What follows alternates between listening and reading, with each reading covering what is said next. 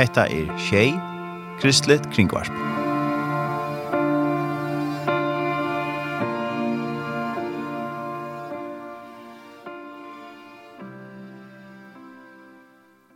Velkommen til morgensendelsene av Shay og her i Rudarsson i det er Tør Erne Samuelsen. Vi fer i sendelsen det at uh, her var Imsa Skråne, vi fer at høyre om uh, en rastevne som er nå i vikskiftene. Et land byrjar langt i det. Det er OM som skibar fire. Og det er ja, om sjøen. Derfor at han er kom, og vi får få gester i Udorsona. Jeg greier sin fra, da er han Rena, som er landsleier for OM i førjon. Jeg kommer at greier fra, og så er han nesten gäster vi ser som vi får at prata vi i det. Og till så börjar så i det höstdagen 4 mai, og och halda fram frugdagen 5 mai, og leden 7. mai. Och det blir i Oasen i Høyvik og i Luften i Høyvik. Her i beskriften er kvært kan jeg gjøre. Og tro meg sjøen. To lortar etter Tjej, Kristlet Kringvarp. Kristlet Kringvarp.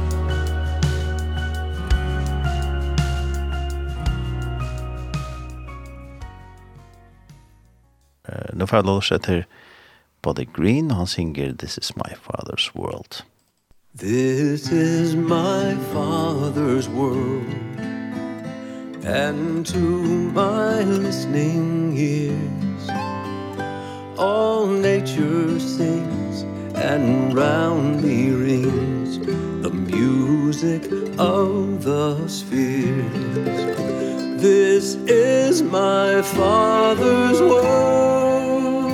I rest me in the thought Of rocks and trees Of skies and seas. His hand the wonders wrought. This is my Father's world. The birds their carols raise the morning light and the lily white declare their maker's praise. This is my father's world. He shines in all that's fair. In the rustling grass I hear him pass. He speaks to me everywhere.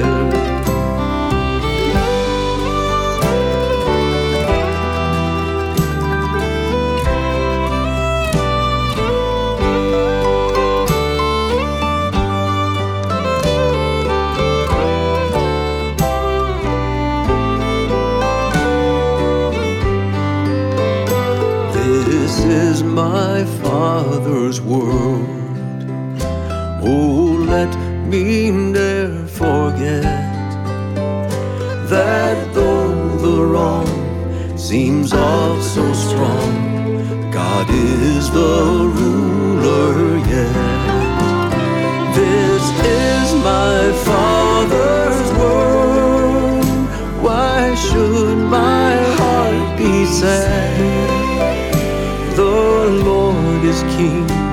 Let the heavens ring. God reigns Let the earth be glad. This is my Father's world. The battle is not done. Jesus who died Shall be satisfied.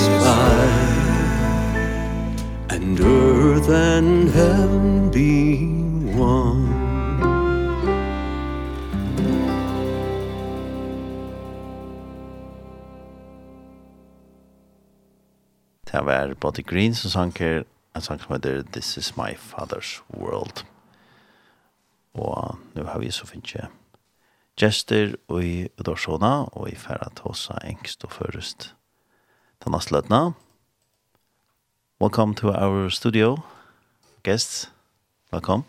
Thank you. Takk for det. Takk for det. Og til Dana Arena og Amy Williams og Beth Sederstrøm. Is that right? Cedarstrom. Siderström, yeah.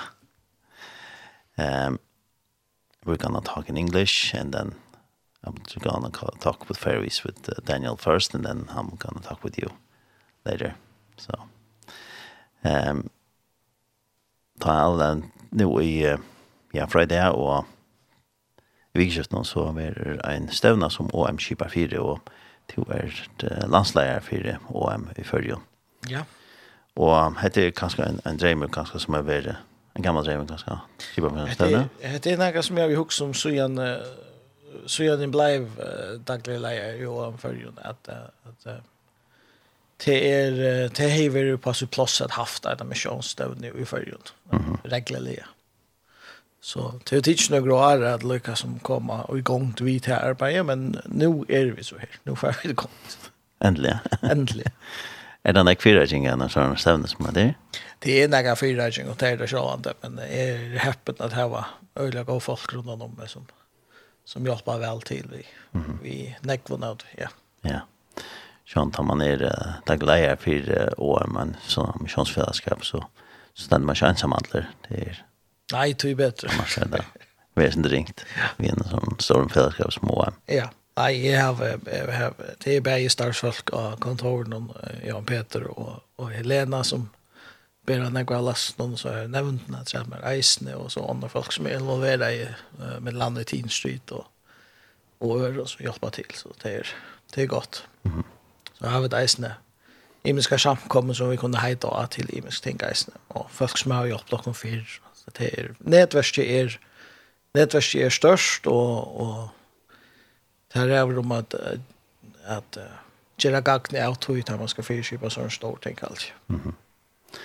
Och hävda vi kipa for en liksom, stevne i färjan som er det? Det här häver vi uh, men det er nekka sujane. Mm -hmm. Och onkrar, onkrar möter och är häva vi och sånt. Så, så, men, men det er kanskje inte i hesare støttene og etla og i häsare Ja, nej, det, det är några så igen. Ja, mm. Kanske han formen, kanske. Ikke, nei, ja. aldrig inte helt. nei, nej, nej. Och här är det møter fyrlestere, möter fyrlästrar, verkstor och mölt. Ja, vi, tar, vi börjar böna med i kväll och så i morgon så är det bäge morgonmöter och uh, möter klan 6 som det är igen så ungdomsmöter klan 9 om kvällte. Så är det verkstover som är i alla dagen och så är det fyrlästrar Ta sidan pars, mitt, mitt av den sætna pars. Mm. Så vi räknar att uh, det är nog så brakt, och jeg vant ikke at näka for å komme til absolutt alt som er røstgrønne, men, men det er jo stått til hvis jeg falt grønne jeg kommer til så nækker som det er, for det er med fire hese på det. Ja. Og, og stedet er ikke bare ene steg, hese fire. Nei, vi, vi tar var Eftersom vi skulle hava flere ting som køyra samståndet, så har vi valgt at, at spreja niver, og, og så er vi så heldige oppe i Høyvika samkomna ligger av Martin kvar hver er. Mm -hmm. Så det er lagt at uh, samstarva om sånne ting. Så hun er i luftene og, og i oasene, og det er jo bare att härna glädje med det där. Det är tvärs om vägen som man kommer fram. Ja, ja. Så det köttar flyttas ju mittlen och och och vi det här gott samstar vi boar samkomna nu kanskje Kjolver i luftene, og Jan Peter som var leier i Arne en gang, og Asne, så, så det er det. Hadde jeg en tvær samkommet som her var Stola og en Negg ved Jøkken og Arne. Mm -hmm. Og omstund at fire her var en sånn stevne, det vel fire her på et. Her er jo øyelig gåver her. Ja. Vi ja. bare samkommet her var gå, gåver omstøver til at her var eh, store møter og, og små verkstøver. Ja, nemlig ja. Jo, og så... Um, Ivskriften av det misjon, hva kan jeg gjøre? Ja. Hadde valgt at kalla det. Hva det? Nei, det er, det er, um, altså, årsaken til at vi valgte at heva, eller det er årsaken til at vi ikke at heva en misjonsstøvne, det er det at følger, um, vid, er i æren av tog, av røtten, at vi har sendt noen trobarer ut, uh, jøkken togene, um, og at jeg, eh det er noe som vi er stolte av. Altså, i mot til andre land så sendte vi øyne noen trupar her ut. Mm. Men senast i årene så har vi ikke sendt så øyne noen.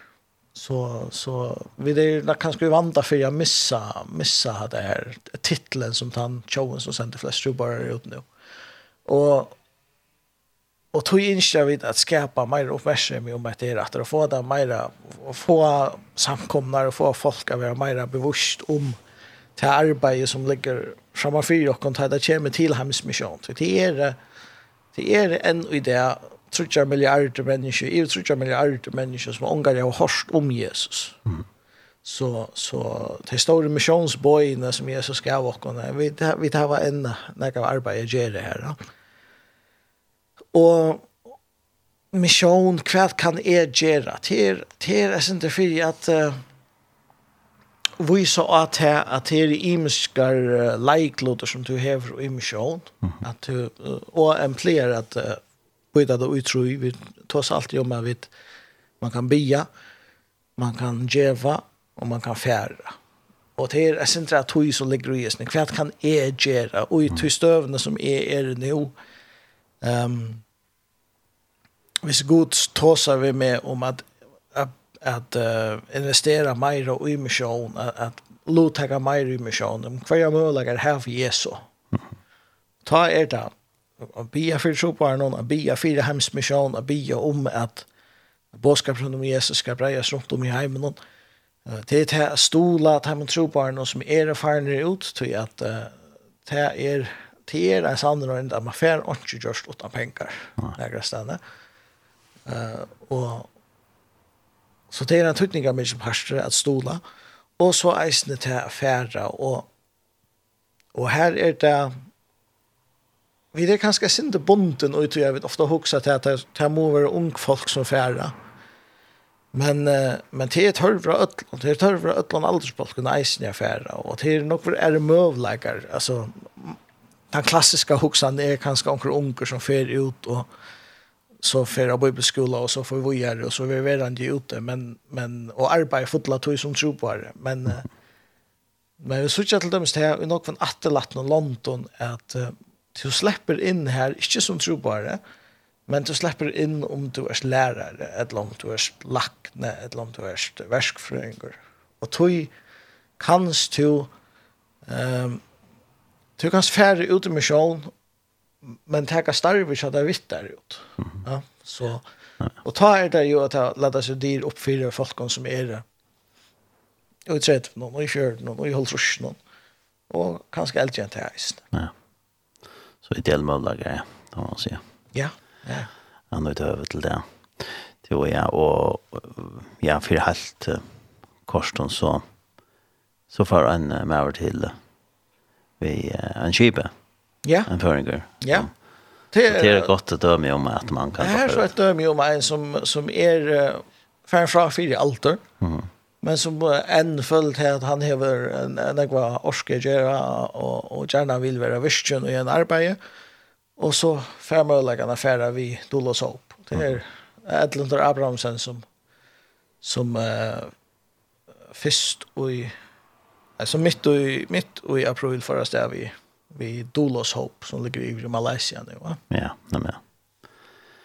Ja, och och där har jag akkurat lagt det där. Malaysia. Här har jag lagt det här för ut till Singapore och skipe fer och i eh alltså börjar i mission eller vi lät ju upp för allmänheten. Eh lejer det igen. Så det här lukka lika som ja, det här är starskottet så så Dolos Hope som som fera sikla i i det som kallar för Mekong Ötje. Mm. Uh, det er landene her som er Kongo, en renner jo til Vietnam, Thailand, Malaysia, Laos. Og, mm. og, ja. og det her, då så upp till så att att man nu kör skip nu. Det är nu kör skip chocken ja, men det är akkurat köpt det. Ja. Jag kan så nämna till att han som är stjorde fyra och en chips uh, han får att komma till följa och i första juni månad så tar för det här också möter vi honom så får jag för kunna Mm -hmm. Om det det er skipet og det den tjenesten. Ja. Ja. Og det er sånn det eh, føringer kjenner nok så vel til OM og så det sånn Eh, skipet tjenesten er ikke OM. Ja, jeg har jo vært tatt samband mellom OM og skipet tjenesten lykka, lykka fra byrjan, jeg vil si. Altså, føringer var jo øyla skjøtere at takk OM til syn og være vi og av turen og kjå OM, stuttjar turen og ta første trusjen. Og, og til dem en med som Eirik og Gunnarsson som var helt tullja for vi og, og lengt tog, så han, han, han for vi han korte ur Belgia i til India via en av bilen og kjå OM og, og, og, og jeg vet ikke det var, hva skal jeg si, jeg sveker søver om, om ta første tøyene, og, mm. og Her får vi så høyre, frutja, frutja kvöld til klant 6, tar vi det samlet vi Eirik om, om jeg så første tøyene. Um, og han, han silte så nemlig eisne vi, han får, ta han, så kom jeg ut til India, så får han ombord og Lagos, det første kjiptjåkene, og så silte uh, ut til Europa etter det. Mm -hmm. Um, og så gjerne ta hava øyla nokva føringar vere vi kjip noen bæge, bæge som hva skal jeg si, som, som, som vanlige folk, men eisen som offiserer om vår uh, bæge av brunne og i maskinrummen. Og vi vågna at vi klarer fortsätta vi tog. Og Edlinter han er så han første føringren om bare Dolos håp, men han, han er en igjen i rød av føringen som har steg av brunne og kjip noen sjåa. -hmm. Og alle skipene har vært i følgen eisen i Vitja, til er eisen sin særligt. Ja. Men Dolos håp til hadde det her for nær for å komme til følgen? Jeg vant ikke at Dolos håp for å komme til følgen, det vant ikke, nei. Det er sånn et, et smarre skip. Det er, det er uh, smarre skip, det er, er uh, ikke alle som smirer eller alt, ja. Ja, akkurat da. Akkurat. Ja, ja, og, og det har vært nok, ja, det har vært siklet så han långa bort en en hesen bara nej. Ja, ja, ja. Ta för att halta sig här i i i Estrasia Asien ta för det. Ja. Akkurat. Vi har valgt å kjøpe noen smarre skip, så løs at man slipper til i flere havnen. Logos Hope på gamla norrna, hon er, hon er i større leie til, til det virksomheten. Det er en kvar havner som, som hon ikke slipper inn i. Ja. Mm -hmm tog er man så alltid affär i till att bruka smärre skip och som så eisen kunde cykla nian efter några av så stora avon som är hemsa ställen jag hem och, och, och på han trönger längre in och i landet till er Det är ju inte att det mest fjärskottende støyene, det, det er jo ofta langere inne i landet og ikke, ikke ute ved sjøarmal. Ja, men det betyr ikke at man ikke får bruke lokalt håp eller. nei, nei, nei, men, men låt oss Hope hem reisen. Jag är nu gangstat og Och ja, ja. Föräldrar sig nu. Och det är gammalt kip nu. Så nämligen det, Jeg vet ikke hvordan så jeg tror at låt Hope for å att av.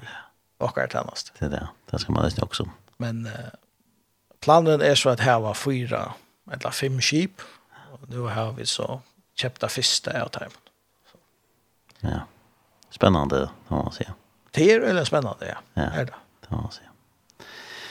Ja, eh, vi får prata nek om OM og om alt det som helt høyrer, og jeg hadde vel lykke på Jessna Jokken at presentera seg videre og fortelle sin om, om hva det er. Um, can you guys uh, tell us a little about, about yourself, uh, introduce yourself? Who are you, Amy? And sure. Yeah. Yeah. So, uh, uh, just uh, turn on the mics, yes. So, Sorry. yeah. So yeah, I'm Amy. I'm originally from the northeast part of the States near Boston and have spent most of the last 10 years of my life living in Europe working with OM uh, and specifically with the arts. When I joined OM, I didn't think I would be working in the arts, but uh, within about three weeks of arriving to Britain, God very clearly directed me into that mm -hmm. and uh, got to start... Maybe Sorry. he will interpret. Jeg heter Amy og jeg er jo... Uh, uh, landeringsparten av USA, og jeg har vært vi i OM i, how many years? Uh, ten. Tutsi år i OM nå.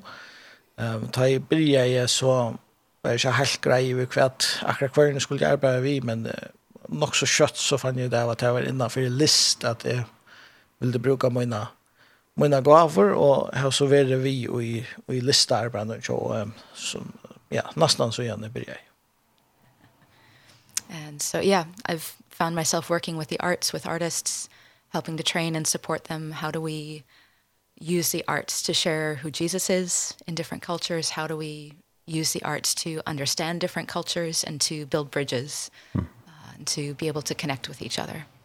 Og det som vi gjør er at uh, arbeider vi list og vi lista folken om uh, att utbygga dig och vi tog som hur vi kunde bruka til till att fortälja folk om Jesus hur vi kunne bruka listene till att komma i samband med mennesker, och hur vi kunde skilja mentaner och i jökna listene. So I live in Budapest, Hungary currently and get to help do that uh, throughout Europe for OM's international arts team called Inspiro Arts Alliance. Jag bygger vi i Budapest i Lötne och arbetar här uh, vi lista dalten i KOM som heter Inspiro Arts Alliance. Mm -hmm. Yeah, and Beth?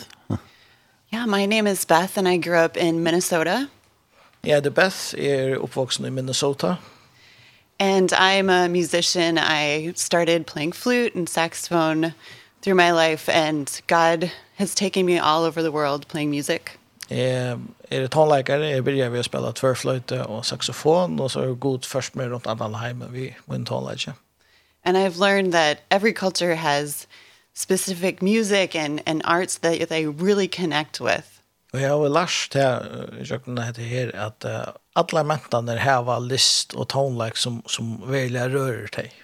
So God took me with YWAM to Scotland. I lived there for 10 years and was able to play music there and work with the Scots Fiddle Festival. So god för med vi vi Youth with a Mission uh, till uh, till Skottland så jag var här i 12 år och arbetade vi vi i Skottland her. And it was amazing to see how connected people were to music and culture there. Det var otroligt att se hur starkt sambandet var mellan tonlegend och folket här you would be sitting in a cafe and all of a sudden musicians would start playing a song and people would start tapping their feet. Du satt i en mätstove och onkel började spela sin rotonledge och folk började beina vid när trampa vid foten. And it just showed how that music made a difference in their lives. Och det visste till att tonläggare välja spelade en stor lajklot ut här i livet. And so I work with OM and go to other cultures to find where where is that art and music that touches their lives? Så jeg arbeider ved OM og er ferdes til Imes land og Rønja finner det av hver er hessen tonelagrene eller henda listen som virkelig rører vi hjertet her. So we're very excited to be here and just to learn about the arts and culture here. Så vi er spent å være her og lære om mentene her i landet nå. So we invite artists and musicians and dancers and visual artists to come to the conference this weekend and we would love to create with them and learn about them. Så vi bjóa, bjóa lista folk om tónleikar og uh, dem som arbeider vi visuella list og eller uh, rithund og at koma til uh, stævna og vera vi av verstånd og så kan vi skapa nekka saman som, som rører føringar. Mm so it's going to be very exciting. um, maybe um, we'll play a song before we talk further. And um, which song shall we play?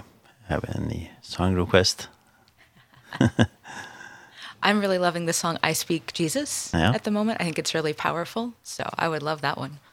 Yes. Charity Gale is singing it. Um, Arnt her, så kan jeg lykke nevne til at vi tar seg om en stevne sånn, som er nu og jo Asne og Løvdene i Høvig etter vikskiftet. Så kan vi nevne at uh, vi tar skjefer er sendt av beinleis fra uh, ned til tøkene. Det er um, ikke verst over det her, ikke er selv å sende, men, men det som møtene og fyrlesene er så, der kan man så vilja vi, og det er så lyst til å, vi har lyst til å Facebook, og eh, om, om det hver dag er, eller hver tiltak bera, eller hver klokkan. Vi kan sjå nevna det snir nu, legger vi i morgen, så nevna det atter. Det så fortsatt dagen, eh, 15. mai klokkan 12, så det første til morgenmøte. Og så er det fire løster klokkan 14 og en klokkan 15. Og så er det et møte klokkan 18 og klokkan 21. Og så er det leiren, da er det klokkan 12. Eh, og klokka 14, og klokka 15, og så klokka 18, og klokka 19. Så det er nok så fast tørspunktet at det er mer. Så her kunne det døsne fylja vi, hvis det ikke er mulig å komme til sjående til en stevne. Men eh, da er tid vil jeg gosser og først fylja komme gosser til akkurat hvis nere. Ja, så nek som mulig. Så nek som mulig, så. Det kunne, ja. Men hvis det ikke ligger fire, så kan det sjående lortet. Hvis det ikke skulle arbeid, så... Ja kunde väl vi med. Det det det stort läge att vara avmött när man man inte kan så gott att lust ju där nästan. Det är det, men det går väl det att att fortsätta där nere en hel dag så. Fortsätta där nere en hel dag så det är det skulle vara fler folk som hade fruit. Yes. Det är gott över. So I just introduced that we're gonna broadcast everything on the radio so almost everything. so now we'll hear I speak Jesus.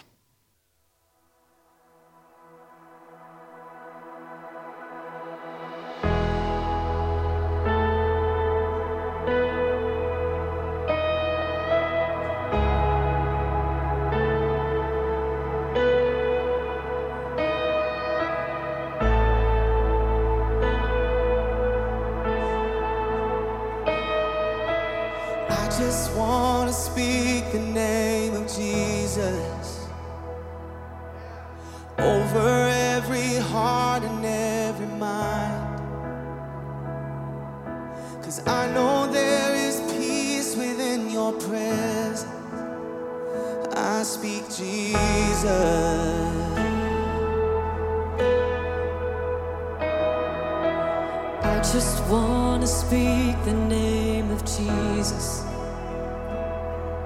Till every dark addiction starts to break. Declaring there is hope and there is freedom. I speak Jesus.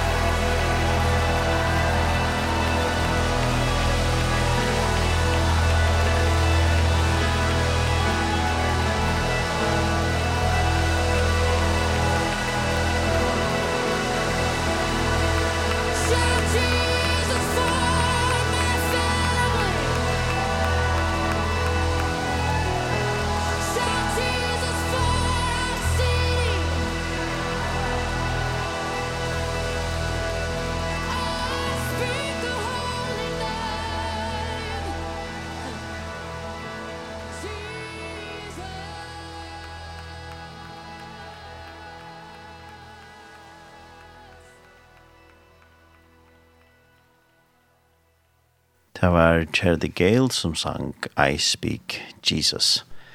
Og um, to lust etter uh, en beilandssending her av tjej, og vi sitter i studiet tjej og senda. Og hvis det her var gravimersing et la ganske Ja, et eller annet, det vil jeg skrive ganske en spurning i samband med det som vi sitter og prater om, så er det velkomne å sende et sms av Kjeltrus, Kjelfjers, Kjelfjers. Velkommen til det, til akkurat bare i morgen høstmorgon. Fjøra mai, hvis du lortar etter endersendelsen, så var det det. Og vi tar vidtjan av uh, den Rana, som er uh, neier for OM i Førjon, og så er det Amy og Beth som høstene vidtjer i Førjon, og kommer å ta til disse stevna som verer nå uh, i løvdene og i oasene i Høyvik. Det er OM som kjipar fyrt. Eh, og det hørste Amy og Beth Grødlusen fra om seg selv han. Og vi kan lukke nevne oss en træt, en av fyrene er træt, at som jeg nevnte Janne, at vi da sjefer som sender beinleis fra seg stevne til så morgenmøtene og fyrlestene og så er det kvøldmøtene og ungdomsmøtene til så beie den og leier den. Hvis det er noen som ikke er mulig at lovteka til, eller ganske ikke akkurat av är møtene, eller fyllestron så kan man så lort etter tjej. Uh, Amy, you told us a little about uh, about yourself uh, uh, and um, uh, can you tell us a little about more uh, how, how you became a part of this uh, organization OM? Yeah, yeah. Um, God called me to missions when I was quite young he made it very clear uh this is what I have for you and so a lot of my teenage years were spent focused that way. god kallar jeg meg til misjon da jeg var helt ung, og så det var bare noen unge tann og æren brukt til å fyrrega meg til det. And I really thought I would end up somewhere, Africa, Asia, um, you know, somewhere like that. Jeg vant deg at jeg får enda i Afrika eller Asia eller noe sånt. Uh, but in university, I met someone who had worked in France for 20 years and thought, oh, you're not a real missionary. You don't really love Jesus. Da jeg var på universiteten, så møtte jeg en som jeg, bo, som jeg virka som trubbar i Frankar i 20 år, og jeg huksa, ja, men det er jo ikke kjent sånn ordentlig trubbar, du elsker ikke Jesus ordentlig. And through the course of a conversation, uh, he began to share about how strong the occult was in France, and that for every believer in Jesus, there were eight practicing people in the occult. Men så ber han en del om hur størst det okkulta står i Frankrike og jeg för kvann kvann evangelisk tryggvand i Frankrike så var det åtta som som virka ut i okkulta. And so God really began to challenge my heart that Europe may not have the physical needs of other parts of the world, but there was a deep spiritual need for Jesus in the, in the continent of Europe. Så god be att tala till mig att självt om Europa kanske inte har han fysiska eller materiella törven som är en understöd i hemmen här så är det en djupare andalig törver i Europa. And started I finished my university years, started looking for an organization and kind of stumbled my way into OM by accident. Jeg gjorde meg litt någon universitet og och jeg leta etter noen fellesskap jeg arbeider vi, og, og datt så nærmest inn i OM. OM had a dance ministry that took dancers on short-term trips and I accidentally ended up on one into Italy. OM har uh, uh, skipet for turen for dansare som dansare uh, ymska stuttar, stutturar turar så stannade och enda så en sån om till Italia. And so seeing how OM operated uh, with the different arts, with their trust of people, uh, that really struck me and I decided this is this is the right organization for me to be with. Så tar jeg så hur OM arbetade vid list och hvordan störst allt jag hade och ta med folken som var vi så så nästa vem och hur så hette är en heter en fällskap som jag kunde huxa mig arbeta sammen vi. 10 years later, I haven't regretted it. Two years later, so I wish I angred then. So you uh, grew up in a Christian home and stuff like that. So I did. Yeah. Um, really privileged uh, to to have that and to know Jesus from a young age. Uh, my mom was a dance teacher, so I grew up at her dance studio. And so for me, the arts were always kind of a natural extension.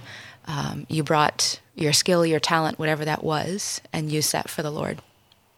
Jeg har ju haft en for at jeg vekste opp i en, en, en heime. hemme. Mamma min var dans, undervist i danse. Så är er vuxen upp i dansestudion og kjører henne. Och har lært här på ena vägen att man brukar til gaver til talent som man hever og ber til til Jesus. And I didn't realize until later, but it really shaped my view of what is worship for God.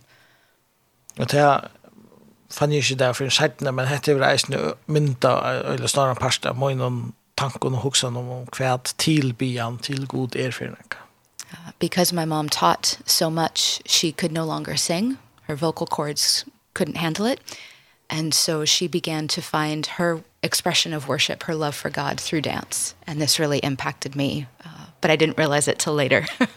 Mamma min, hon underviste så for og at, at uh, uh, hon miste rötterna, hon fick inte sunche men uh, hon fann så sutt uttryck av tillbjörn och jag någon dansen och och det här så eisne men där hur så är hur om det är tillbjörn god.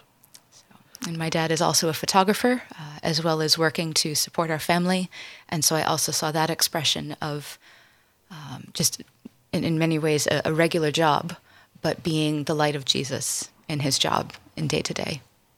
Pappa min han är fotograf och han har så haft det starkt för att brej för och och jag så isen last att hugsa om det som som en av tjänaste för för herran att man är ett ljus här som man är så och och fortäller om Jesus. Ja.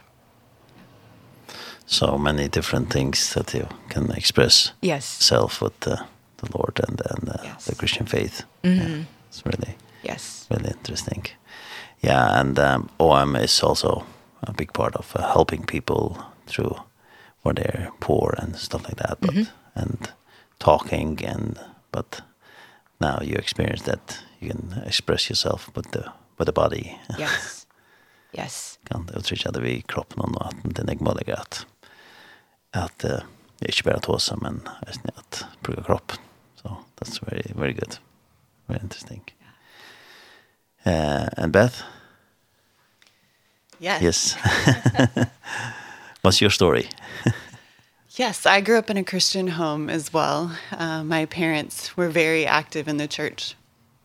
Jeg er ikke oppvaksen i en, en tryggvannig heime, og foreldrene kommer var særa visjon i samkommende. And so I wanted to learn how to use music and how to use music to glorify God. Så jeg ønsker å lære hvordan man kan bruke, å gjøre tonelike, og hvordan jeg kan bruke tonelagen, tonelagen til at det er god. And it felt like two different things, music or you get a job, and how do you, how do you fit that together and glorify God? Og jeg sa det som tve imes ting til at gjøre tonelike og til at jeg var starv, men så skulle jeg finne det hvordan man kunne sammeina til og bruke det til Guds ære. But actually, when you look at worship, you can worship God in everything you do, whether it's washing the dishes or taking a walk. You can learn to glorify God in everything you do. Men ta vi så tar som til at æra god, så, så kunne vi gjøre det i ætlån som vi gjør, om det så er at vi vasker, vasker opp at han har malt og eller det er for en spasertur. One thing I really like about OM is that they support artists. Og jeg som er damer så vel vi OM er at de, de stoler under listafolkene it's really easy for an artist to feel all alone or not supported by the church or the community because artists it's a different kind of job than a lawyer or a teacher. Det är väl schysst journalister folk att huxa till att man inte får några sälja en uppbackning eller stol från samkomna eller från att de tryckvande till att det är så annorlunda starv än till att vara att ha en vanlig starv att vara advokater eller och sånt. But we believe artists are valuable. They bring great richness into the church, into the community, just into our lives. Men vi tycker att det at lista folk har har störst vire og att de fører et størst vire inn i våra samkommet, inn i våra mentan inn i våra liv. So besides creating together this weekend, we just want artists to get together to see they're not alone, to support one another, to pray for one another, um to see how can how can we do life together and to make a difference in the communities around us. So hetta hetta vikskifte så inser vi skapa några samman men vi vet inte ens när lista falsen samman så at att det kunde mest att det er fler och at det kunde eh driva på kvar annan och det skulle ära god och lära för nu. There's so many times when people say the word mission you think oh I need to go to Africa I have to go to Asia Uh, but that's not the case. You can have you can do missions to the people around you, to your neighbors. How can you make a positive change to the people around you? Ofta tar jag det också mission så är det kött att också mamma färra till Afrika eller till Asia. Men man kan nästan göra mission här som du är till att nå ut till folkene som är rundan om det och skapa en positiv bröjting i, i samfällan som du bor i. So that's one thing we're going to talk about this weekend is what can we do to make a positive change with the arts? Whether it's how do you bring unity? How do you bring peace? How how can we create a better environment around us that we can glorify God and create better stronger communities? Så det är så vi får att arbeta vi det vi skiftar vi får att ta som ehm hur vi kan bruka listan till att avskaffa okkar okkar lokalsamfella hur vi kunde skapa fri hur vi kunde skapa einleika hur vi kunde föra eh Jesus ut oj detta uh, Gerans liv. Yeah, and I love that the arts enable those conversations. There are certain cultures where you wouldn't be able to say a sentence to someone else, but you can sing it and it's perfectly okay because somehow the music makes those words okay to say. Og til, til avhverst, av värsta så jag kus list i mig ska tänka alltså til, det stör i hemmen her, tror ikke hur lov jag se av och synk vi en annan person men hur lov jag synja dig för det man tror att på akra mata så ger tonläkaren till att det blir löft. Ja. uh, and you're gonna be uh, part of this uh, workshops uh, on on Friday and and Saturday. Yes. So it starts tonight. There's a prayer meeting and then the workshops will be Friday and Saturday. So we yeah, we're hopeful and we're excited to see what God's going to do and who we're going to meet. Ja, Stevnan börjar så i kvöld och så vera så börjar verkstaden i morgonarna och och vara alla dagen och vi är väldigt spända på så jag kvar för att komma och kvar för att möta sånt så hesa det. Mm og da, kus kan man låta deg til til verkstående? Eh verkstående börjar så klockan 12 från Jamarknaden och Lærmarknaden, och det er, det skulle säga det er tverrbreiter, till er andre er uh, innenfor list, alltså ja, ska vi säga vis visuella list, då hvis man tecknar eller malar eller fotografer eller något sånt. Ehm och hit är toneliker. Och och man måste säga här skulle du gärna haft några fler talare att melda sig till så läs ut få sett också gott samman. Mm -hmm. eh, enda mål eh, vi eller inte enda mål. Vånen är att leja kvällte så så har man näka som kan visas fram. Så har man ett uh, produkt av onkrosle. Eh så för talare version till dem så så är vånen till man har en sang som man kan framföra och möta någon lära kvöld, ja.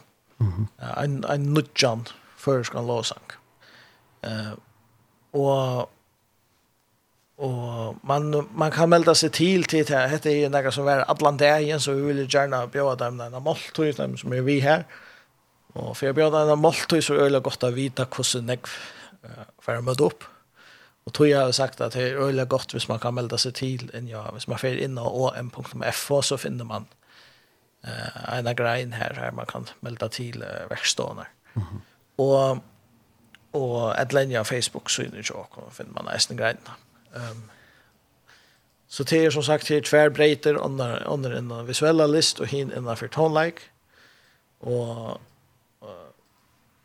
tonlike tonlike workshopen är bäst som för att ta sig av henne och Så tar här mangla här skulle det ha onkrar som kan synja, här skulle det ha onkrar som är hotla spela uh, spela instrumenter av ymskos och så så vana vi att få sätta ett litet band samman här. Mm. Uh, innanför listorna och här är det flera som långt har melda till. Så det är väldigt spännande och ta ta ta vidare. Det är mera uh, det är breiare. Vi där vi är inte i myndlist och köpte tillfär och allt möjligt så Så det här blir spännande. Jag gläder mig att söka vad du, Kan du kommer att göra sig igen. Ja. Så, så är planen en eisen att ta leja kvalitet, ta färd eisen och visa att några är sådana värsk någon som, som folk har gjort detta vikskiftet eisen. Så. Ja. Ja, så tjattit, då sa vi till att man tröstar bara att han luncherna här och så sänder den där frågan en och så kan man bara fylla namn och Ja, jag ska färra göra, jag ska färra skriva en e-skrift som gör det sen det bara är sånt att till här man melder till men akkurat nu så är det grejen eh att visa kärleka Guds tjänst ta verk. Ja.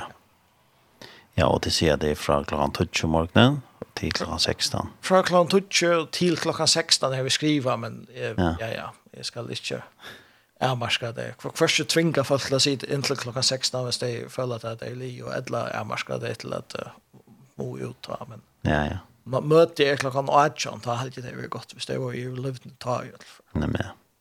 Men att det för att jag kunne bruka snakka tog som möjligt. Ja, ja, og hetta var jo asne, hetta var jo i chattlaren og i oasne, og Jan Peter sier til at det er for ikke, det kunne svansa og alt møvlet her nere.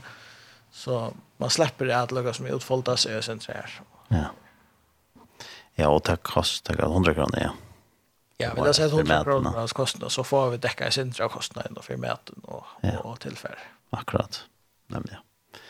Sjön det här, tar man fyra gånger vi sort, vill vi sjön myndlist och så, så ska jag sindra tillfär till. Ja, det var det. Ja. Ja. Det ska vara tillfär och det ska vara, ja, ordentligt tillfär. Så det, mm. vi, vi har rönt att lägga och nättra i någon. Nei, jag kan efter att tänka som vi vet är det go så. Ja. Det skulle vara spännande.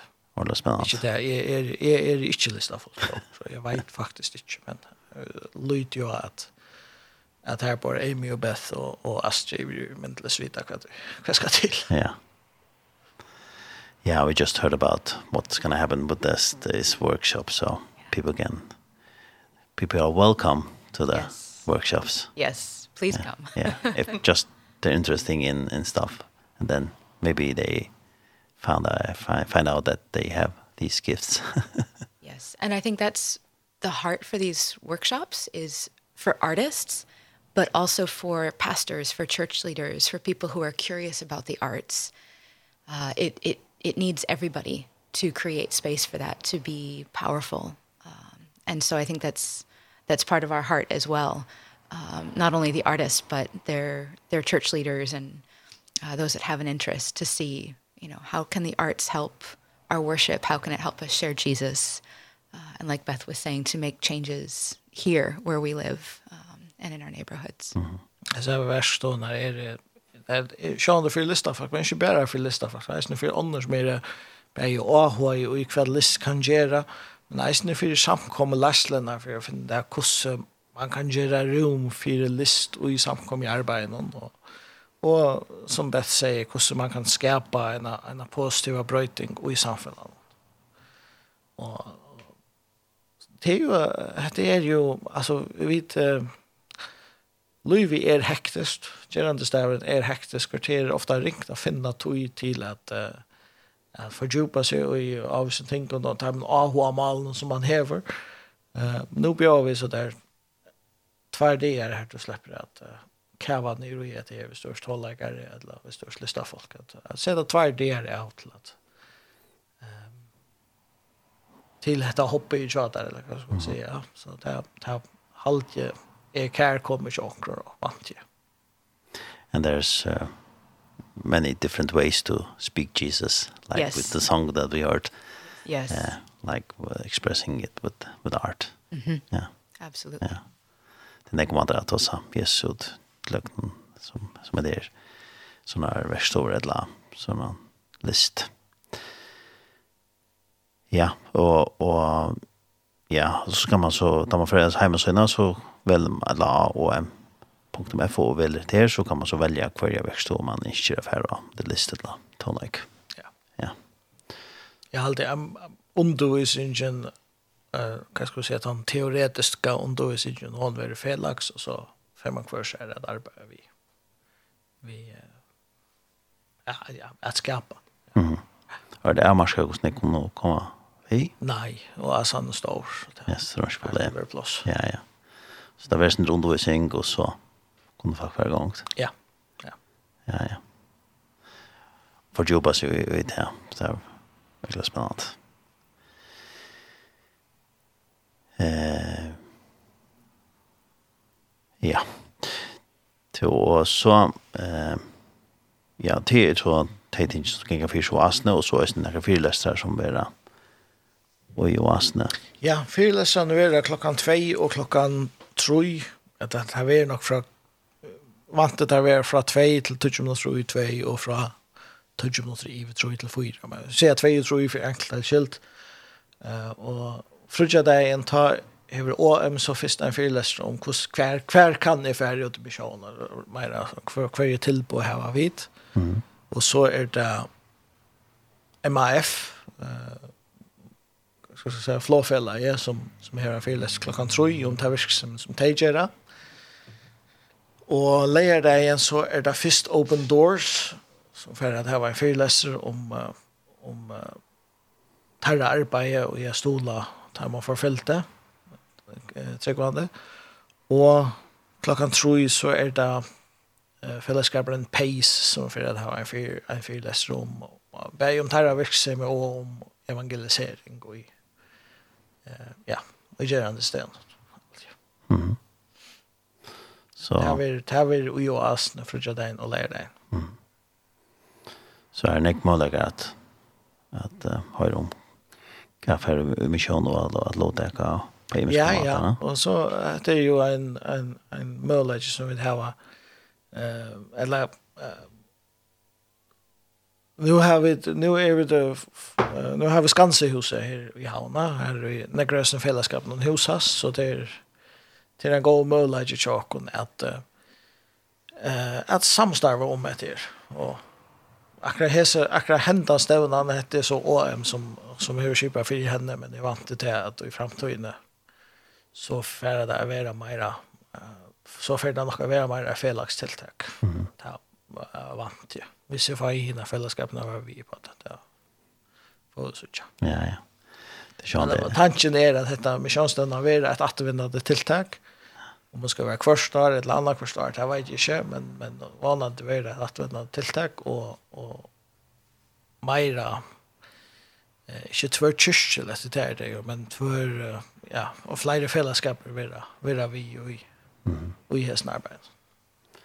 Det är ja så att jag väl om i mission att vara pastor mission på imiska matar. Ja ja men så ändamålet är inte att Enda mal er ikke å få folk ut i misjon vi og dem, det er å få folk ut i misjon punktum. Ja, det var sikkert. Det er vi okken, eller det er vi YOM, eller man får vi Logos Hope, eller man får vi Global Mercy, eller hva det er. Det er ikke det er avgjørende for okken. Det er avgjørende er at vi får flere folk som er opptidgen av misjon, som er AHA i misjon, som stoler til hjemmetropperne som er ute, og som färre ut.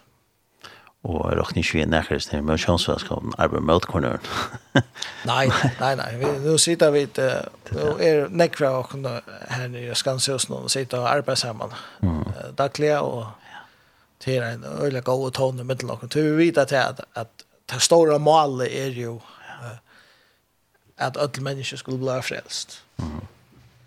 Om om det er jo imisk, altså, onker kommer inn, vi tar imisk ting som fellesskapene er gode til, ja, og mm. Hvis jeg en lakne kommer inn i skanse og så sier det, og hvis jeg en ombord av Logos Hope, så sier jeg, ja, Logos Hope vet ikke om det er det beste stedet til det, men uh, Global Mercy, eller Africa Mercy, Mercy Ships, det er et bedre sted for jeg lakne for det. Men hvis jeg en 18 år gammel kommer og sier, jeg vil gjerne vi en av skipen, ja, så så blir det nok en OM-skip. Det passar mm. bättre til ung folk. Ja. Det ser man vi hinner. Hvis man vil arbeide ved en attabelsjångstande så er New Tribes Mission 6 det beste bøye. Uh, hvis man vil, hvis man vil um, evangelisera med att man surfar så är det sex YWAM och Hawaii eller så som är bästa steg. Vi, ja. vi finner det här. Vi tar ett öjligt brett uran. Mm uh, i middelen av fellesskapene som er i Skansehusen, OM, YOM og Open Doors, så er vi et uh, ombåge ui. Ja. Det er ikke lengt fra til Ødland i heimen, men det er øyelig tatt på i alle fall. Ja, ja. Og øyelig imiske mater man kan. Øyelig imiske mater. Ja, man kan låta hur mycket. Så det är nästan att uh, rätt att han törven ett lat han. Du vet att det men kör människor och vi det kanske också. Ja så kan jeg bruke mine gaver ja. Ja. til misjonen. Så det er godt høv. Absolutt. Ja. Til, uh, og så, uh, hvis vi til ikke nevne hvis noe annet som stender skrånene til, er, det er var morgenmøter og så kvöldmøter og så ungdomsmøter. Ja. Og sen, ja. Hva er det å si om det? Um, nei, morgenmøtene er vera vera kanskje ikke roligere hvis vi husker mer sånn tonelaga med sig där. Vi får ju att bultra så öjligt klart touch marknaden. Eh men det här är kanske inte mer att dämpa vår stämning av marknaden. Vi börjar klockan 9. Vi bönar löte i Vru och Asne. Og er det så en trykkost her, så er det en pikka little kaffemor i, i, i luften i Arnmøte, blir jeg klart tutsi. Og, og så til det så slipper folk hjemme etter døvre, eller hva det vil jeg ta seg av personen. Klokka seks tar vi det, så kan jeg si at det er høvesmøte uh, om det ene. Uh, og Jeg kan nevne til at ja, frutja kvöld til klokka 6 tar vi er sindri av, tar vi det kanskje mest av uh, til at George Verver uh, anda i stiv 4. For jeg bruker lydsindri og tog på å minnast han, og så er det samrøy vi Erik Gunnarsson eisne, er Uh, og så vil det tale fra uh, hver er det stedet til Veronica, Veronica Tjeiko, som er leier i Åen Pålande, som forteller fra kveldet. Uh, ungdomsmøtet tar vi som er av fotor, vi tar for Tinsryd, uh, Låsangsbalkan for Sinja ta, og, og ja, tar vi ungdomsmøtet, så skjønner man hva, jeg synes bare av, av ferie, og ta er det så jeg ser troparner ur uh, Miesse som tala jeg har skrånne eida det Lisa og Nasir det eida det ikke verlega noen til til vi vil trygt når jeg skal gjøre jeg slipper ikke å bruke mindre av dem men helter det er sånn til avbjørende for promoveringen av tiltakene der man først slipper å bruke navn eller mindre av dem men det har så arbeid som troparner i Miesse i 15 år og er annars ungfalt Det jag ganska som som det var gammal fast men nej det är er, det är ju en fjärd där allt det har varit ungt där för just det och är det en ung vad vad är sig vet mm. grannar här nästan helt tror är det bara att du fjärd ehm och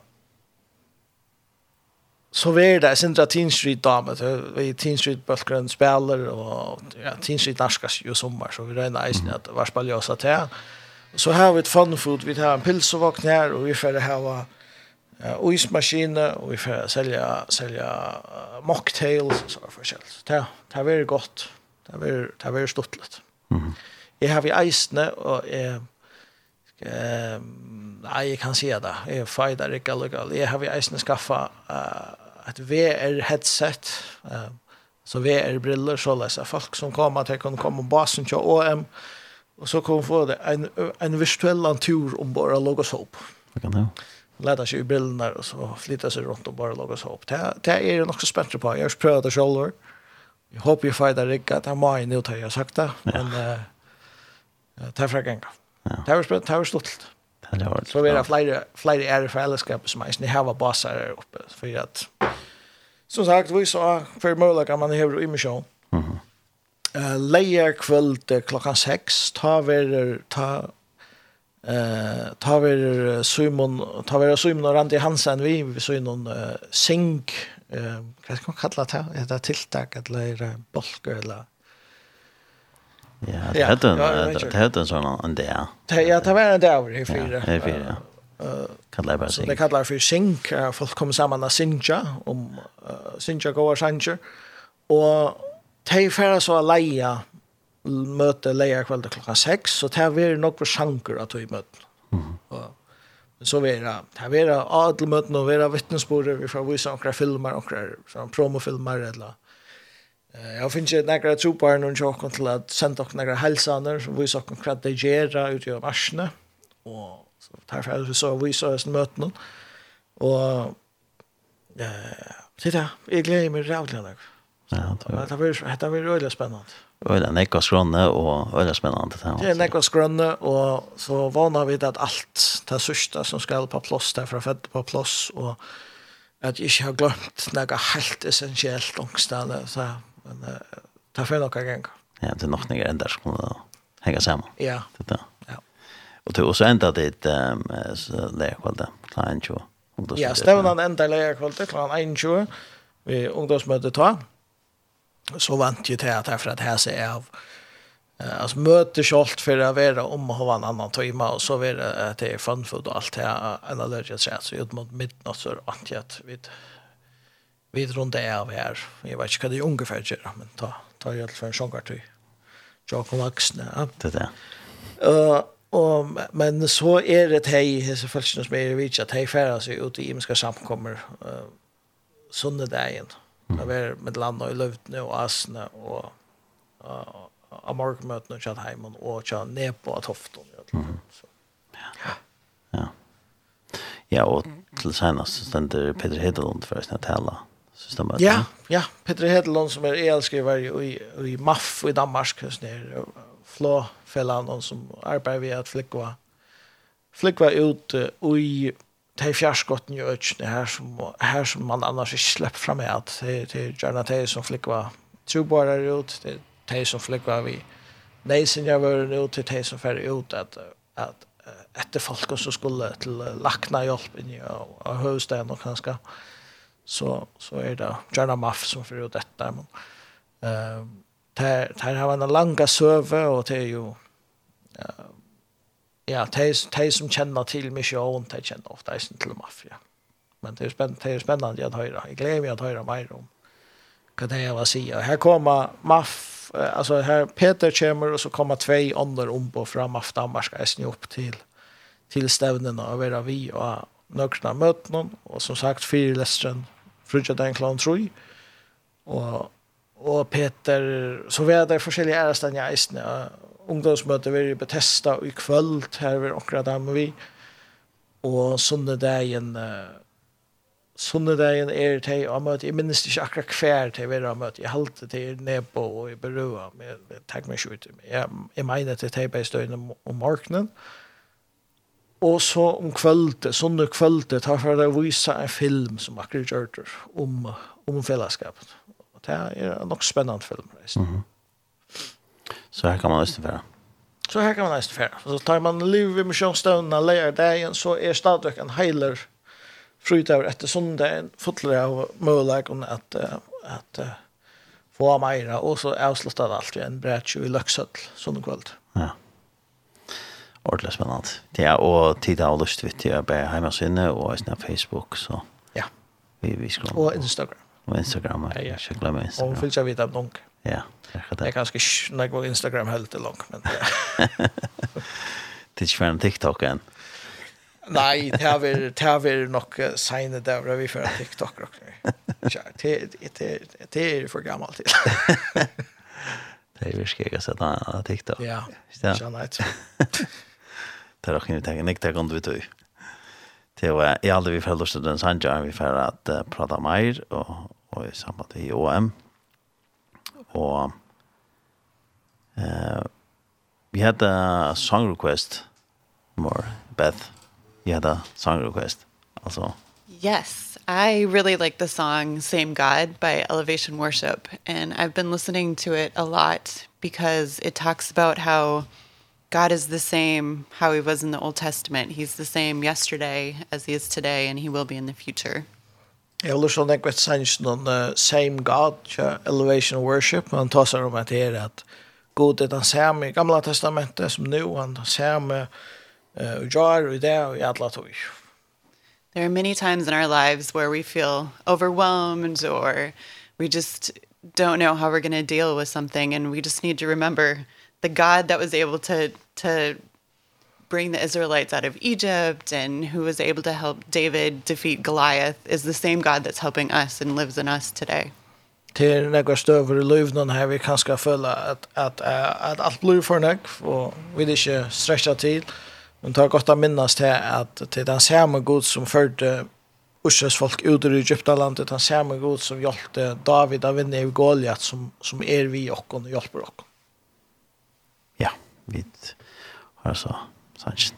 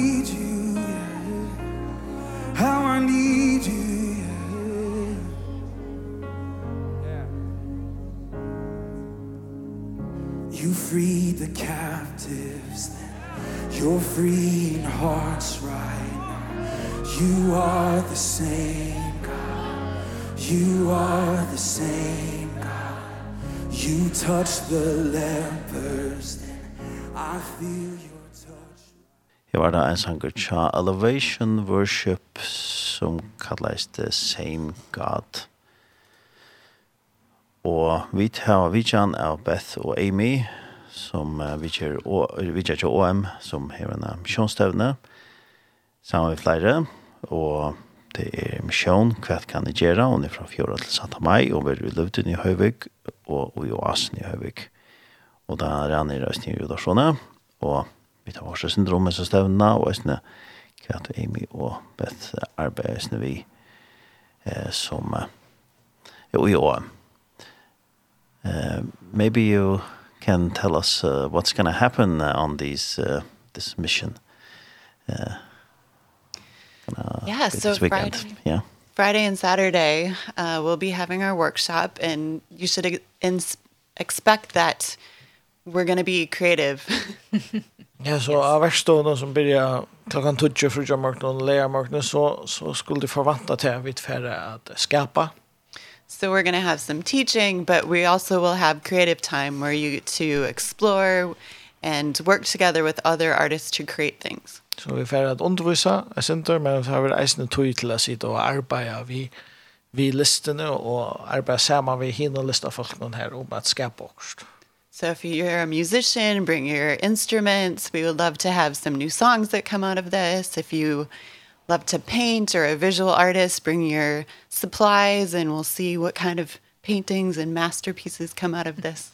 Så om du er sånne tonleikere, så takk så jo for vittar, så skapar vi nødjar sanger sammen, og om du er sånn malare, eller også annet takk, så greiene tjadar vi, og så, så finner vi det av kvært for å komme bort i jord we'll be looking at what worship looks like in the Bible and what do arts look like in the Bible and how does that impact the world we live in today and abroad if we want to go to Iceland, if we want to go to Europe, how can we use the arts to impact the people around us? Vi får hitta etter hvordan list er i Bibelen hvordan vi har brukt og i tilbyen. Og Og hvordan vi kan bruke henne til å nå ut til det samfunnet vi er i, hvordan vi kan bruke henne hvis vi vil nå ut til Osland, eller æresten i Europa. Hvordan vi kan bruke listene til at, at fortelle om Jesus.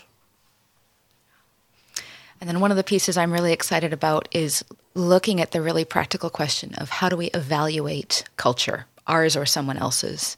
Og jeg som er helt praktisk som er nok så spent på at jeg er for å hitje etter hvordan vi møter om en av mentan, om det er dere egna eller en av mentan. Uh, and so often we think in terms of this is good and this is evil, and there's so many things that don't fit in either of those categories. Ofta så huxar vi om att hette är gott och hette är ringt och hette är ont. Men det er sånne ting som inte fäller naturligt och är ære här som kategorin. And one of the places we're often called to work in as artists is this space of redeeming things in culture. Ett det som, ett som vi ofta har kalla till att arbeta vi innanför list till, till er att, uh, att um, endelösa ting ur mentanen eller att frigera det ur mentanen. And I really love this because we can't come in and say, oh, this should be redeemed or this should not. This is a question that I think Christians in each culture and artists in each culture have to wrestle with for themselves. Og vi kunne ikke komme inn og si säga vi ena mentan at akra hesen pastoren burde blive forløster eller endeløster, men hette i här skulle inte men det är något som folk i mentan eller at det er tryggende själva må finne det av at arbeider vi. Um, so we'll look at some of the scripture examples of that but I've also seen this uh, firsthand. We were in Portugal a number of years ago and there was a gentleman who came to me after one of the sessions Um, så det er noe som skulle arbeide vi, men uh, jeg vil gjerne oppleve dette selv, for noen år siden da vi var i Portugal, og en eldre med var kom til min 18 av en av samlingen. And he was sharing some of his story. He'd grown up in Brazil as a capoeira dancer. Uh, it's a martial art style of dance. Og han var oppvoksen i Brasil, han var en capoeira-dansare til et slag av, av kampsport, dansteknikker. Uh, and he was excellent at this. He was well known within his community as being an excellent dancer in this style. Han dotte sera väl, han var väl virtur och i sån omkvärve som en öliga donalir dansare. And he came to believe in Jesus in his mid-twenties. Och så blev han tryggvande tar han var mitt i tjonen. And as he listened to the music that his dance was performed to, he began to realize this honors the demonic this is not good. Men så medan han lustar efter tonlage som tar dansa og til, så så fann han det där vad hette här ärror och hallovar till er, demoniska dette er ikke gott. And so he completely walked away from it. He stopped dancing completely. Så han vände fullkomligt bort fra at du gavs at dansa. and now here he was in Portugal almost 10 years later and being able to look at it from the idea of can I redeem this? Men nu så han så här i Portugal touch har sett nu och hukt jag de kan är kan är förlösa eh dansen från hesen hållas. And he began to wrestle that through and realized the music needs to be rejected, but the dance itself, I can use this for God's glory. Och han kom till den nya stunden att Emma Emma Emma vräkande att hålla. Men dansen kan du bruka till Guds ära. And so it was really beautiful to see him then that next week step back into his craft, into his art form, and to be able to use all of his self to glorify God. Så det här verkosta sucha Jökna Hesa Vikna kursan så får atter til eh, synalist, eh, sin dans og, og brukte til at det er god vi. So I'm really excited about that because I've seen how powerful it can be. Så jeg er nok spent på det, vi har sett hvordan hur mye at det kan være. Mm -hmm. And I've seen that myself. I I live in Hawaii right now. Yeah, we Yeah, vi eisne sa hetta i bygva Hawaii nu. It's very very far away from here, but at least it's another island. Det är öliga längt henne, men det minsta så det är ett annat en annan ort. And they have this dance called the hula. Och de har var den dansen som de kallar för hula. And when the missionaries first came, they said, "Oh, we cannot we cannot have this dance cuz people wear grass skirts and coconut shells it's it's it's bad. Och det tror bara när jag första kom i här så sa att nej han han dansa kunde vi inte ha vad att det är ullaten gräs nidelar och och och kokosnötsskäljar och så. But they saw later they learned this dance is beautiful. It tells stories. That's that's one of the main ways that the Hawaiian people tell their stories is through this dance. Men vi tog in så lærte der til men til er jøknen hendan dansen at folk og Hawaii forteller sine sjøver. So they learned that they could redeem the dance and still tell stories but use Bible stories and tell about God through this dance and just change the outfits that they were wearing. So they lærte til at could kunne bruka hendan dansen, men ta kunde skifta sövnar ut via fortälja bibelsövnar och ta kunde bröjta uh, kladdningen så det som det är i med dansa. Och så läs förlösa dansen från tusen där vär. So they could embrace the culture but also glorify God through that and you can see that now in churches around the islands. Så det kan omfavna mentanina eh men eisne ära god til jökna og det sørst du eisne i flere samkommun og av og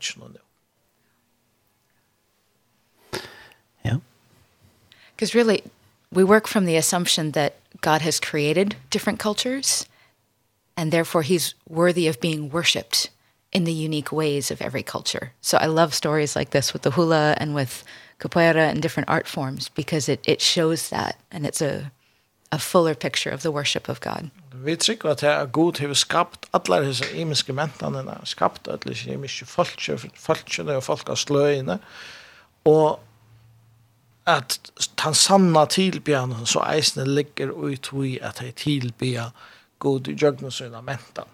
Og så sutja vi så vi er sånn hula dansen og vi capoeira dansen og, og øron dømon eisne. Mm -hmm. uh, yeah, do you have uh, any other story you want to... There's always more stories. One of the things uh, one of the stories that really impacted me when I was first learning about the role of arts was seeing how arts can be used in different ways. Sorry. I know, I know, uh, at at tog som veldig narst vi med Uh, ta jeg begynner jeg ver a sucha hvordan mentene kan være brukt av imskan hot. And one of the things that I've seen is how powerful the arts are in the spiritual realm. Og et som jeg ser, er hvordan mat mye listen er ute i andaliga. Ja? uh, to create space for people to encounter Jesus. At skapa rum her som människor kunde möta Jesus. Uh, there was a, a team of dancers that went uh, again to Portugal, different part. Det var ett team av dansare som får til Portugal efter ett annat ställe. And they spent two weeks dancing all over this town uh, and feeling like they accomplished nothing.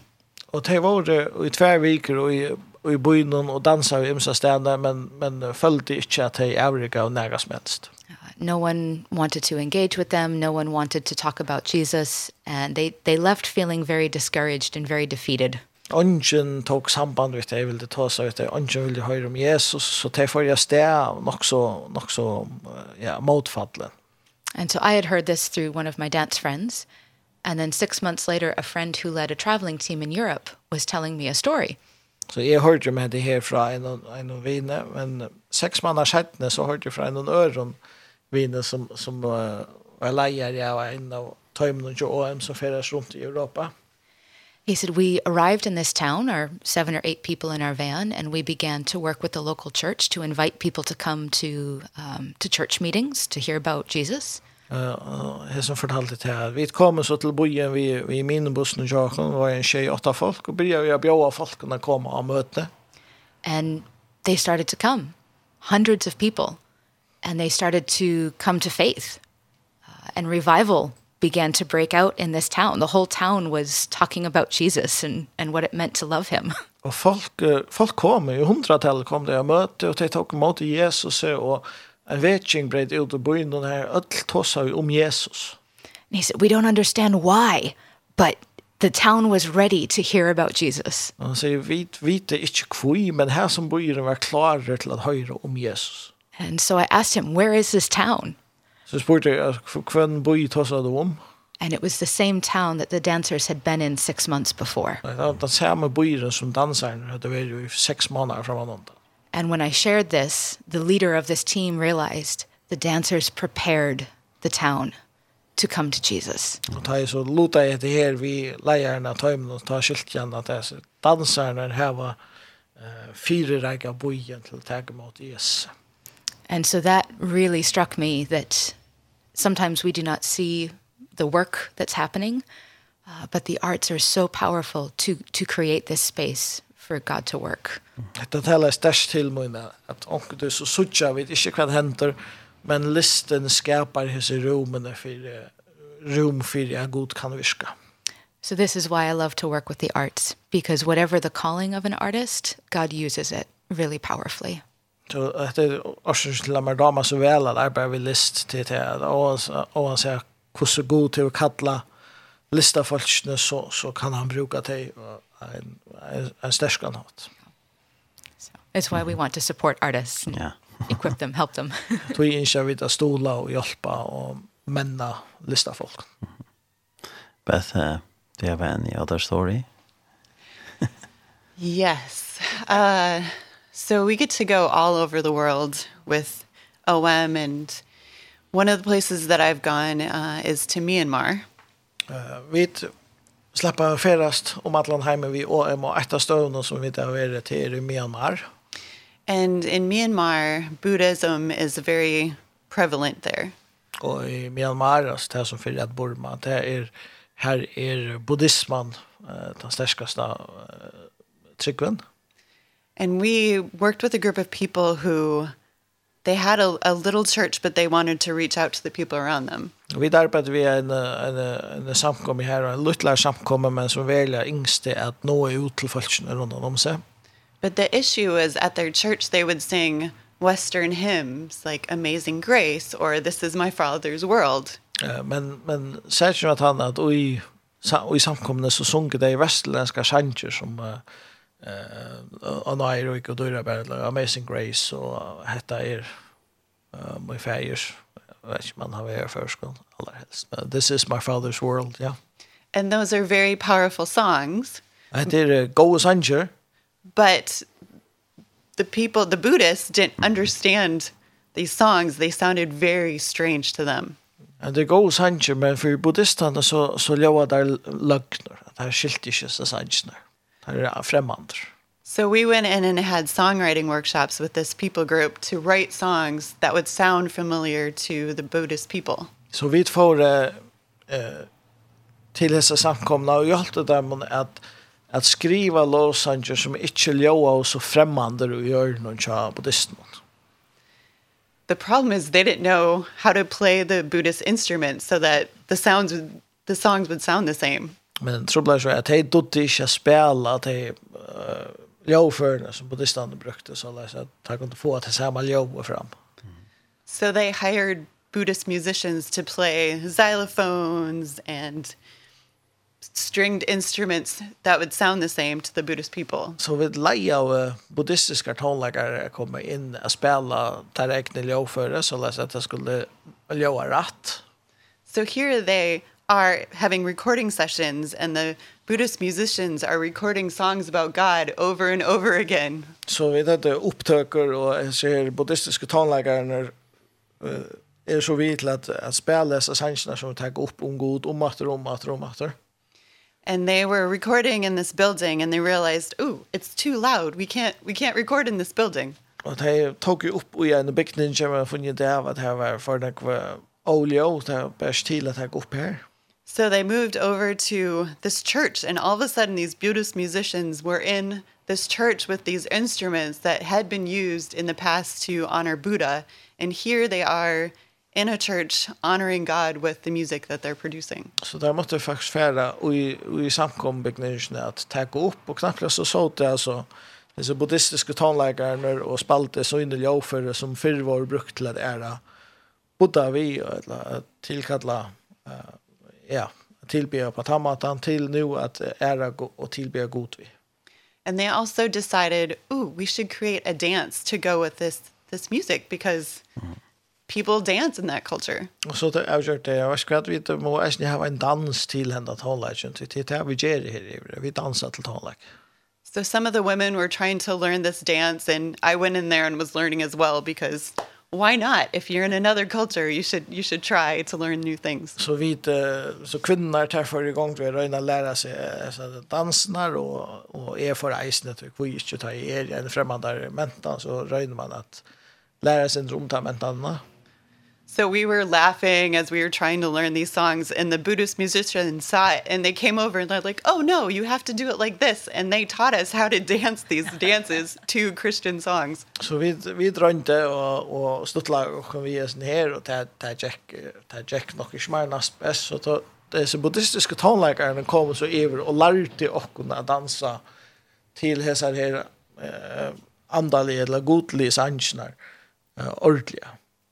So that's just a great example of how the arts, music and dance can just open up doors to talk about Jesus and to ex expose other people to God. Så det er en dømme om hvordan list og hvordan tonelager kan brukes til å lede dyr opp og til å komme i samband med folk og ta seg ved Jesus om det.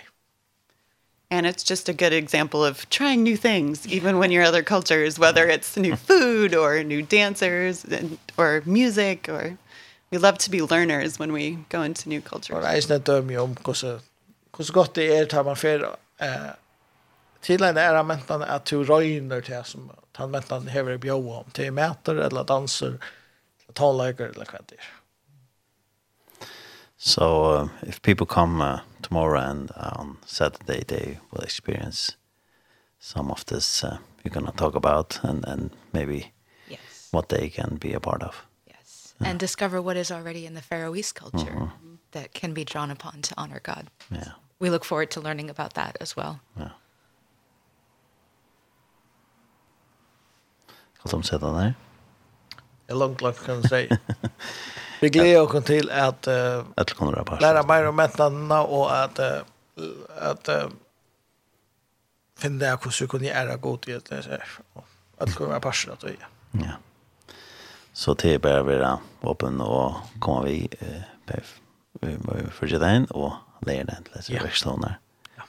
Väldigt till och hemma sinne och en punkt med få. Men slapp helt til till så vi vet hvordan det kan döra vi skulle gjøre Ja, det säger särskilt. Och visst det er inte alltså men men hinner inte lätt här hålla det knappt och så kommer tankar ja jag har glömt att välja till kom så lika alltså finner vi det. Ja ja. Nej men. Sjön det är Vet vi att att låta gå själv det med att det nog med att ja. Ja. Det är mest, ja, ja. mest ja, men sånt det tillfälle och sånt här. Jag vet inte något tillfälle så men det det kommer att finna det. Vi finner det. Det finner nog det. Ehm Yeah. Is there um, anything else you want to add? I think just to repeat the invitation, please come. Yeah. We would love to engage and to learn and to see what God has uh, for this time, but also for the Pharaohs ja, bara bjóa öllun að koma og, og at uh, vera forvitn om et her og så gleder vi døgnet så tjekk hvem det er godt atlar vi hese støvnene og vi følger. Mm -hmm. yeah. And we invite artists or pastors or anyone who just wants to learn more about how arts can be used to affect their community. Så vi har vid öllund. Folk og samkomma, lärslan og komma for at att lära mer om hvordan hvordan listen kan brukes til at avvarska tar omkvarv. Ja, og som sagt, så får man så eimasina om.fo. Og om.fo her finner du det meste av kunning som du bruker for det. finne beg om verkstånar og om uh, stevnen annars. Om mm. lærerne som kommer til og ja. Ja. Skulle, her skulle det alt være. Og hvis det er okkur som manglar så kunne du sätta dig samband med åkna på Facebook eller ringa till min telefon med ständer nyaste hemmasyn så är det något svär. Ja, eller Facebook syn her, ständer det inte koning. Og det är så i morgen for det en det är bida klant toucha at det blir ut i och sen lägger det klant toucha. Ja, då blir jag värst då. Ja, verstående altså. alltså. Michelle Stövnan hon börjar så i kväll klockan åtta, och i Oas en en bönmöte. Ja och tid räknar vi eller eller man kan aldrig av fram till kan få ju eller kan säga växla växla där halta och så som folk har ja. Att sitta då arbeta ja. En kväll börjar klockan 6 så röjde jag att täcka öll för att ta en paus jag akkurat ja ja. Det men det till och när Anna är vi tvär runt av vi pratar ju om till er eh det har snävt här är onkel Fresh nu om at färra ut vid hem. Ja, vi tar var vi tar var två fräster som får komma nu uh, nästa vecka. Uh, Annor är uh, Tim Timen och Chaken som um, sommar sommarmissionsturer. Vi har två timer som färra till Moldova. Anna är för uh, första till Ajanar eller femte till Ajanar Rommel och hit är för dig som är uh, Ajanar till 20 år. Och här är det som jag melda till men jag skulle gärna haft några träd så så hvis du helt det här att du uh, hvis du inte brukar sommare till att göra och så sent mera eh uh, för inte att god på en kramata i sommar det är två veckor till färd till Moldova ehm um, och för att hjälpa till vi vi imskon arbete här man får ha barnarbete man för att vidja uh, Ettlesheimen, man för att vidja samkommer, gänga hår till hår, Jerry är mest så att säga klassiskt så bara arbete här nere och och det var gott vi det vi har var ur förjun till Dorsta och David Am Jakobsen ur Emanuel som förra leia till äldre och så är det Helena och Jan Zachariasen ur Oasten som förra leia till yngre töjme. Och det var gott ja Så og fræsten er fræsten for å være. Hun stender til å være kjent av meg, og så sånn den til hun er nok ikke, ja, ja. De slipper nu hvis de melder til lotten eller et eller annet, men, men det er godt hvis de melder til som kjøtast. Og som sagt, det er noe som har meldt seg til, men det er veldig øyelig godt hvis vi finner flere, og oss, og øyelig, og øyelig godt hvis noen rønner eisene melder seg til. Det. Mm. Det tror inte som det var det, men det är... Det här är säkare att få av jag, så tror jag nog det är det. Mm. Och ta sett den frasten till så till Teen Street som är för att vara mitt i maj ena för att uh, frasten melda sig till som lottagare för att vara ute. Um, här är det en nöker plås och i bejla i slåfärden någon annars må man uh, finna det av färden till, till um, Offenburg själv. Och så Og her mangler eisene, her mangler ikke dronje, men her mangler vaksen starsfolk, er man lest til. Leier er til dem, sier store tørre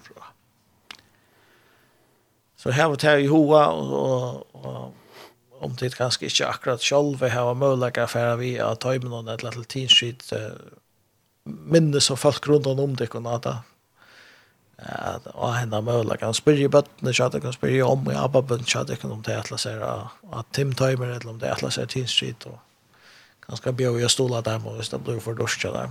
Mhm. Ja. Hvordan kostar det affären som du Eh, Tim Timer det er ikke ordentlig fastlast men det er fire ver om en touch to kronor. Mm. den turen for å koste.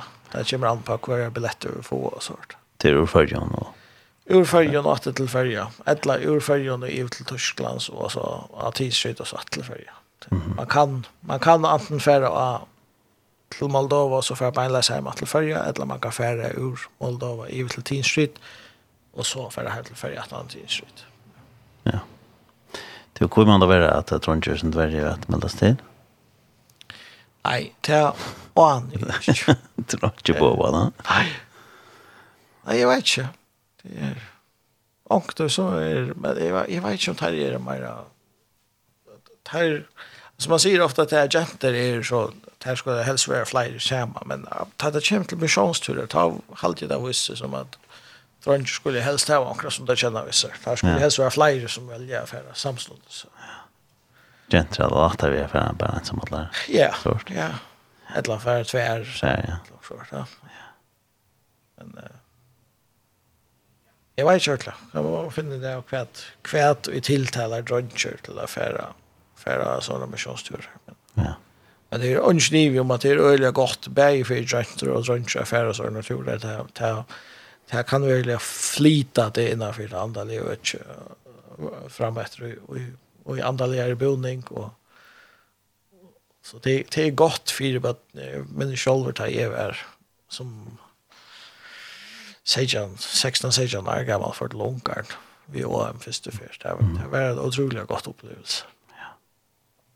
Ja, så jeg får jo ensamhet. Ja. Uh, ensamhet dronker først.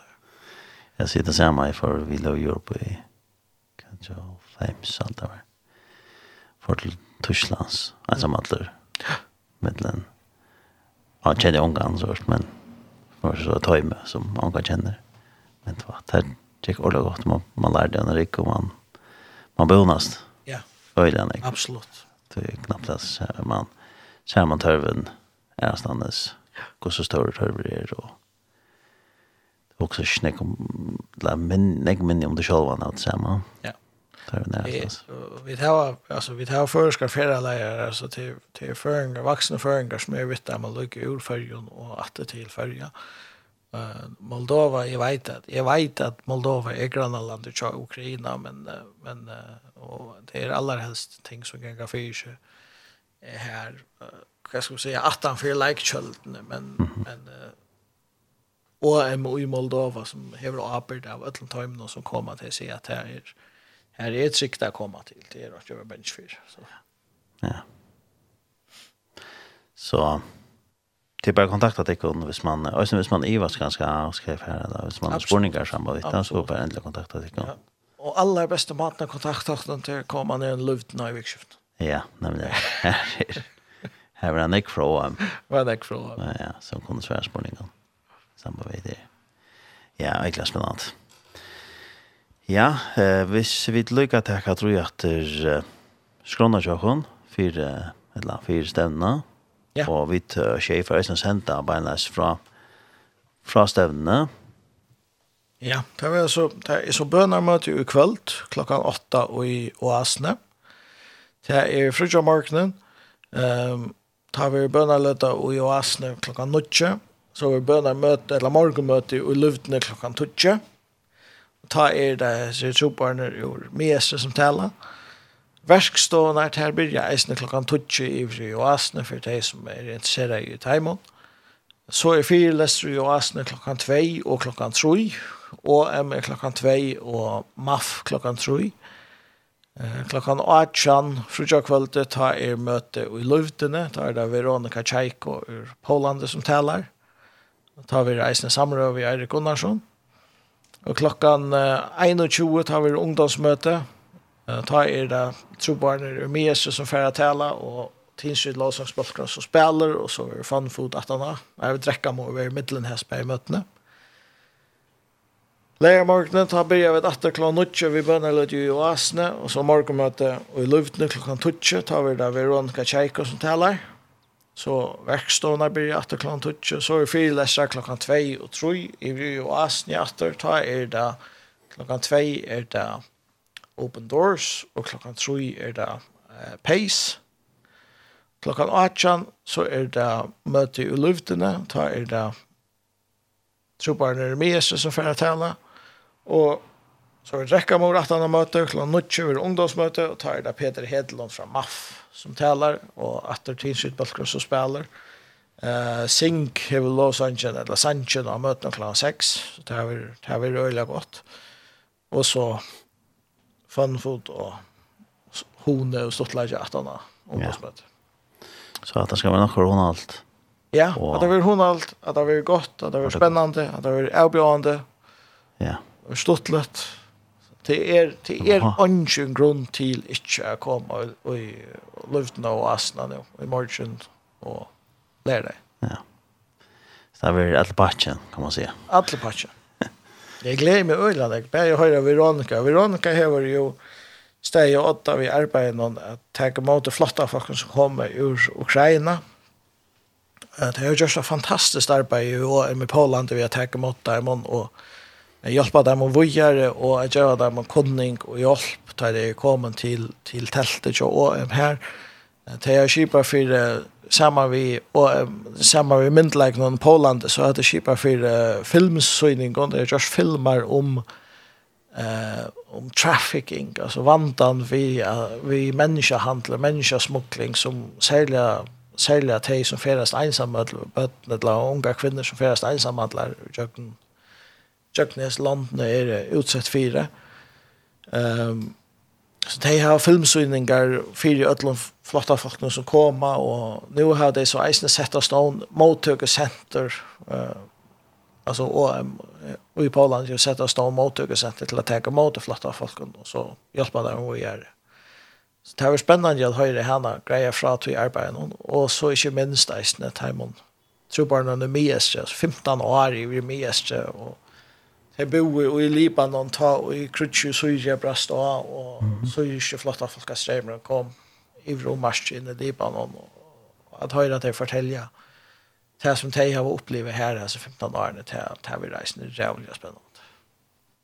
Ja, det må man si, det var rokkene grubande søver. Ja, utan i. Gripen av det, det var kjipast det, tog. Ja, men jeg får si at større takk for det når Anna du ville komme videre med det. Takk for det, takk for det, Thank you very much for coming to our studio and to the radio. Thank you for having us. Yeah, Amy and Beth.